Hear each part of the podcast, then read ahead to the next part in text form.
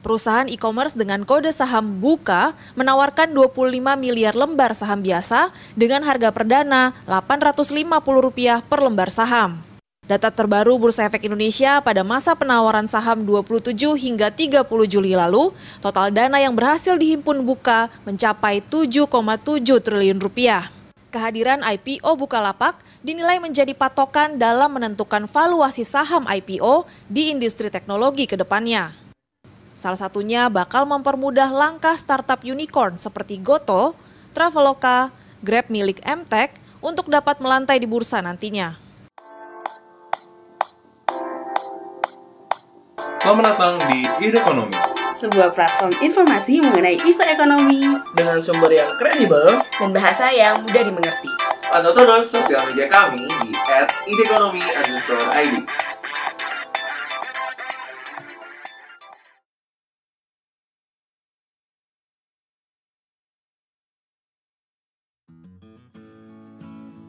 Selamat datang di listeners, kembali lagi di podcast Ide Ekonomi bersama saya Rahma yang akan memandu episode kali ini. Nah, di episode terbaru bulan September ini, kita akan mengangkat tema peluang dan tantangan investasi di perusahaan teknologi di Indonesia. Kenapa sih kita ngangkat tema ini? Nah, seperti yang kita tahu kan semuanya akhir-akhir ini sebenarnya Agustus lalu Kalapak baru aja IPO gitu kan mencatatkan saham perdananya di Bursa Efek Indonesia dan juga kita udah udah denger gitu di berita wah akhir-akhir ini GoTo, Gojek Tokopedia juga akan mengikuti jejaknya Bukalapak. Dan seperti yang kita tahu kan sebenarnya di luar negeri ini udah menjadikan hal baru ya karena kayak Uber, Pinterest, Airbnb mereka semua IPO walaupun waktu itu saat itu mereka masih terbilang startup gitu dan sebenarnya ini menjadi topik yang sangat menarik karena kita pengen tahu ini masa depannya di Indonesia akan seperti apa. Apalagi Indonesia udah banyak nih unicorn-unicorn yang akhirnya sekarang mulai melejit dan bahkan go international. Nah, hari ini kita sudah mendatangkan tamu yang sangat spesial dan sebenarnya pasti teman-teman ideal listeners juga sudah tidak asing lagi dengan namanya. Di sini kita telah hadir ada Pak Pandu Syahrir. Selamat sore, Pak. Selamat sore, apa kabar Rahma? Baik, baik. Semoga Pak Pandu sehat juga ya, walaupun e, di tengah kesibukannya dan ini kita juga masih PPKM.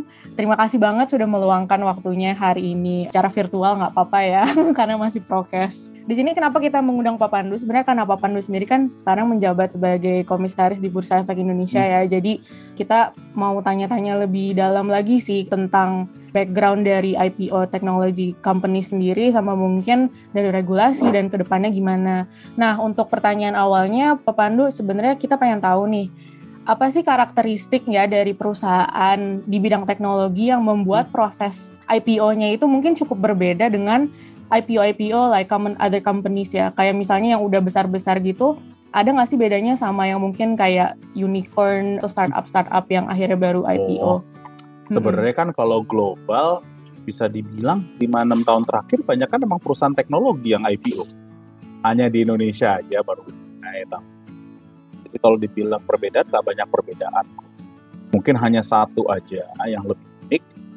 Soal perusahaan teknologi itu ada konsep yang namanya founders. Ya kan itu sama juga dengan siapakah controlling shareholder lah kalau di Indonesia bahasanya. Nah, founders ini biasanya di skema-skema di luar negeri itu ada namanya multiple voting share atau founder shares di mana sebenarnya bukan dari sisi economic rights tapi ini menyangkut controlling rights, voting rights.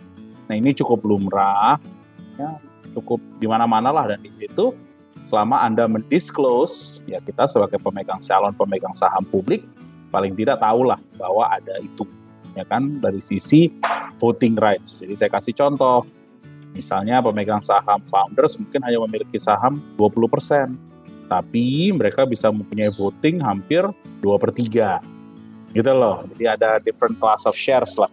Itu bahasanya kalau di Indonesia sekarang disebut multiple voting shares yang sedang dijalankan dengan OJK. Tapi aku nggak boleh terlalu ini ya, nggak boleh terlalu teknis ya. Jadi ngomongnya simple-simple aja gitu ya.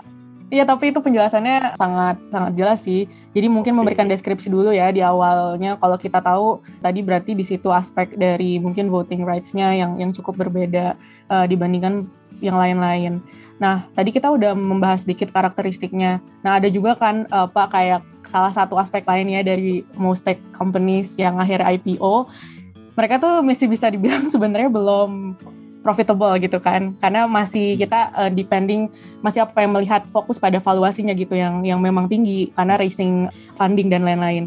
Nah, hmm. ini tuh hmm. sebetulnya apakah akan berdampak negatif nggak sih ke nilai saham dan si sustainability si perusahaannya ini secara jangka panjang?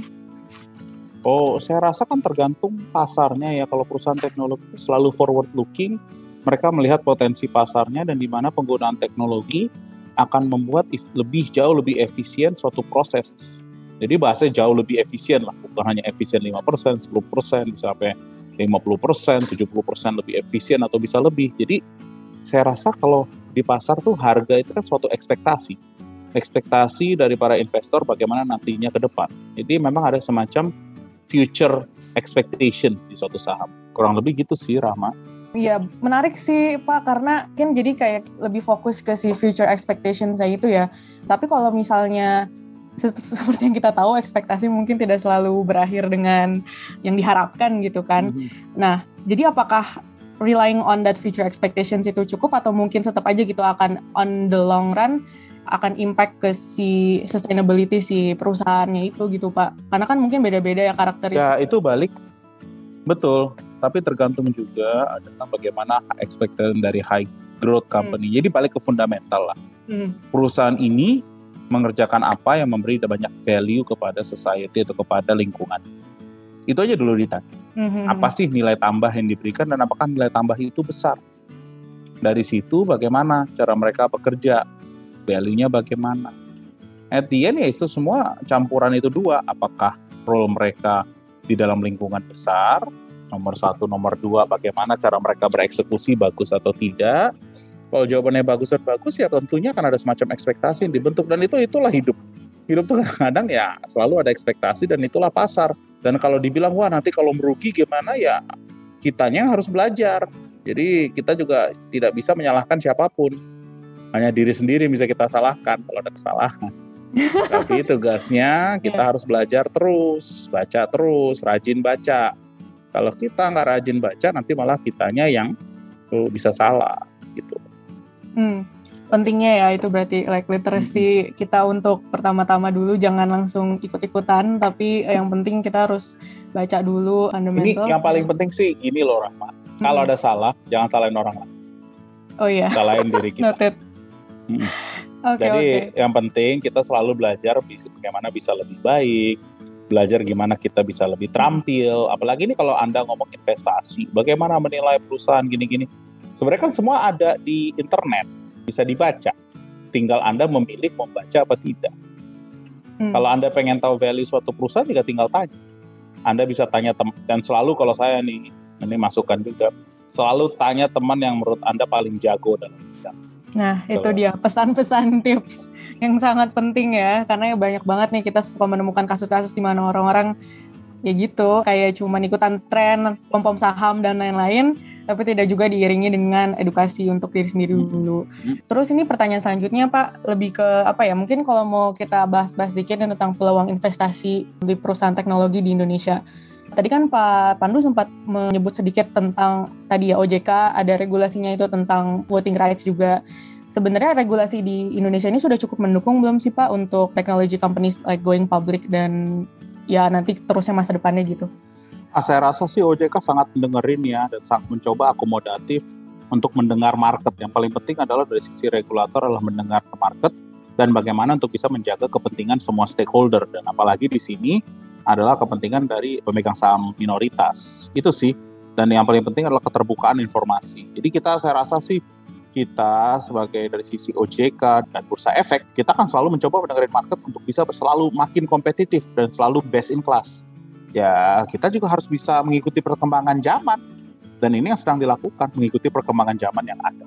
Hmm, iya, berarti ini kabar yang baik sih ya untuk tahu bahwa regulator di Indonesia juga sudah sangat mencoba untuk keep up gitu kan dengan tren-tren yang ada sekarang dan tentunya pasar dan kita sebagai publik menunggu gitu nanti kelanjutannya ini ada apa lagi kan akan yeah. going public. Selanjutnya sih yang kita pengen tahu sih sebenarnya bagaimana ya kayak publik harus meres merespon atau menanggapi IPO saham teknologi Indonesia yang memang banyak didukung dan dispekulasikan kan harganya akan naik nih gitu kan kemarin yang ada di berita gitu ya. Tapi kan ada juga resiko harga yang turun gitu kan setelah IPO dan karena ada market volatility dan lain-lain gitu.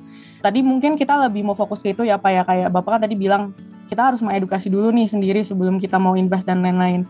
Mungkin kita lebih akhirnya pertanyaannya bagaimana sih publik untuk menginform dulu deh sebelum mau invest dan lain-lain karena tadi kan ujung-ujungnya kita nggak boleh nyalahin orang lain karena itu sebenarnya keputusan kita sendiri nah gitu kan. Nah, jadi what's the first step gitu kalau misalnya sebelum kita mau ya udah nih pengen nih kita gue mau di perusahaan ini kayaknya yakin banget tapi sebenarnya dia belum prepare gitu. Menurut Pak Pandu sendiri, gimana sih kalau yang awam gitu Pak, ngedenger podcast ini, interested to invest, what should they do gitu? Nah, pertama dengerin podcast ini dulu. nah kan Rahma pasti pembawa bawain acara pasti coba membawa orang yang ngerti lah dari sisi bidangnya. Kedua, coba baca dulu perusahaannya tuh prospektusnya apa sih perusahaannya ini apa. Seperti apa baca aja satu dua halaman kalau nggak banyak waktu. Tiga, coba tanya deh satu dua teman kamu benar-benar menurut kamu jago banget dalam jago banget ya bro, Wah, ini pinter banget ya waktu dia di SMP, di SMA dia selalu finish satu di matematik atau finish nomor satu di ekonomi atau kalau dari FEUI ini yang paling pinter deh, coba gue tanya gitu loh.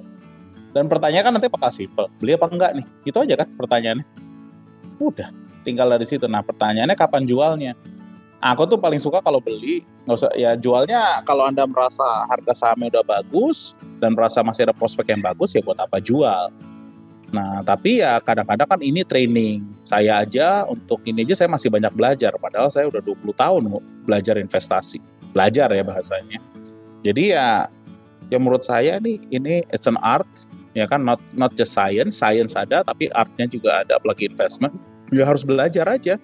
Dan jadi kalau Anda tidak ada waktu untuk melakukan ini semua, mungkin kasih kepada manajer investasi yang memang tugasnya sehari-hari melakukan itu ya kan? Emang itu tugasnya. Dan asumsi saya mereka pasti lebih banyak informasi daripada teman-teman di sini. Karena kerjaan sehari-harinya hanya siap hari pelajarin saham ya kan? Jadi itu juga mungkin salah satu kalau anda ingin melakukan investasi long term.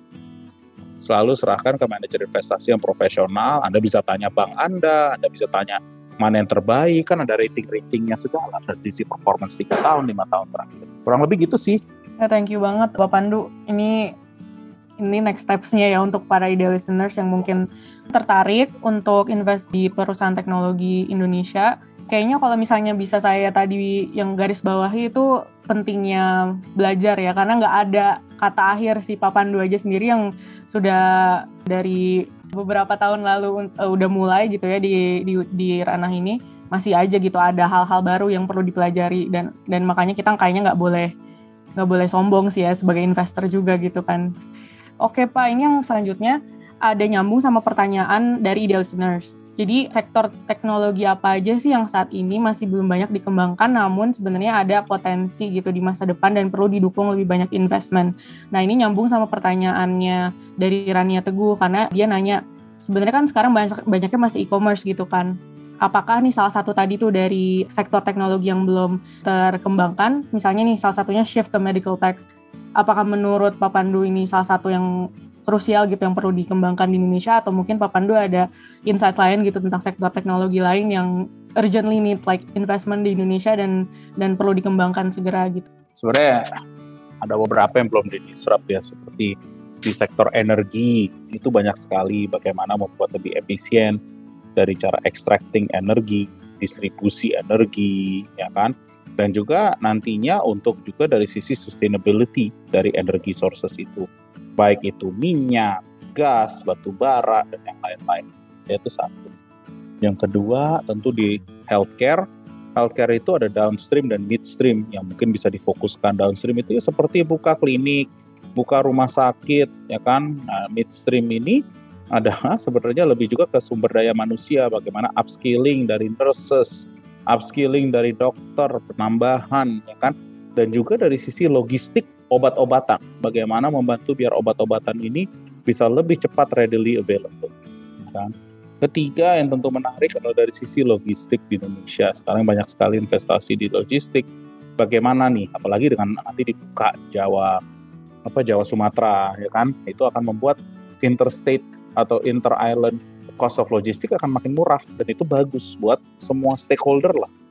Nah, di sini bagaimana penggunaan teknologi untuk bisa melakukan ini semua menjadi lebih efisien lagi. Jadi itu mungkin tiga empat hal nantinya tentu adalah pengembangan digital infrastruktur. Apakah itu dari sisi data, dari sisi cloud dan yang lain-lain ini bukan investasi yang sangat besar. Kenapa? Karena kita selama ini teknologi hanya ngomong downstream yang menyangkut konsumer lah. Jadi contoh Anda belanja di Shopee, belajar bayar pakai GoPay. Kan itu semua consumer tapi downstream lah. Midstream sama upstreamnya bagaimana? Itu juga yang harus dipikirkan. Ya kurang lebih begitulah mungkin beberapa ya tempat-tempat yang menarik untuk diinvestasikan. Oke Pak, thank you banget. Ini akhirnya disebut juga beberapa sektor lain ya karena di yang kita suka tahu mungkin yang yang majornya baru tadi yang downstream tapi sebenarnya masih banyak banget peluang lainnya untuk inovasi apalagi yang orientasinya teknologi gitu. Nah, tadi kita sebenarnya udah sempat briefing Pak Pandu nih kalau misalnya di, di ekonomi kita suka mengakhiri dengan analogi. Oh, analogi okay. ini sebenarnya lebih untuk memberikan gambaran aja beberapa konsep misalnya hmm. ekonomi yang cukup sulit tapi dengan mungkin cerita atau bahasa lain yang lebih mudah dipahami oleh ide. Kalau aku bisa ya, ini belum tentu jam jam segini aku kreatif juga aku ada nih. Jadi coba apa pertanyaannya? Mungkin uh, analogi peluang kali ya Pak ya, peluang teknologi investment gitu di Indonesia. Apa bisa dianalogikan sesuatu nggak? Analoginya okay. kayak mirip-mirip kayak cari jodoh, tapi ini investasi. Oke. Okay. Nah, harus ada bibit, bebet, bobot. Bibitnya adalah founder-foundernya, backgroundnya bagaimana, cocok nggak. Bebetnya itu adalah dari sisi bisnisnya, menariknya dari skema industri, tempat mereka bekerja, atau industri yang mereka coba solve menarik. Bobotnya tentu nanti dari sisi eksekusi mereka, cara kerja mereka. Ya, aku rasa teman-teman kalau melihat investment tuh harus spend paling tidak waktunya sama sama kayak nyari-nyari jodoh ya paling nggak buat pacaran ya kan?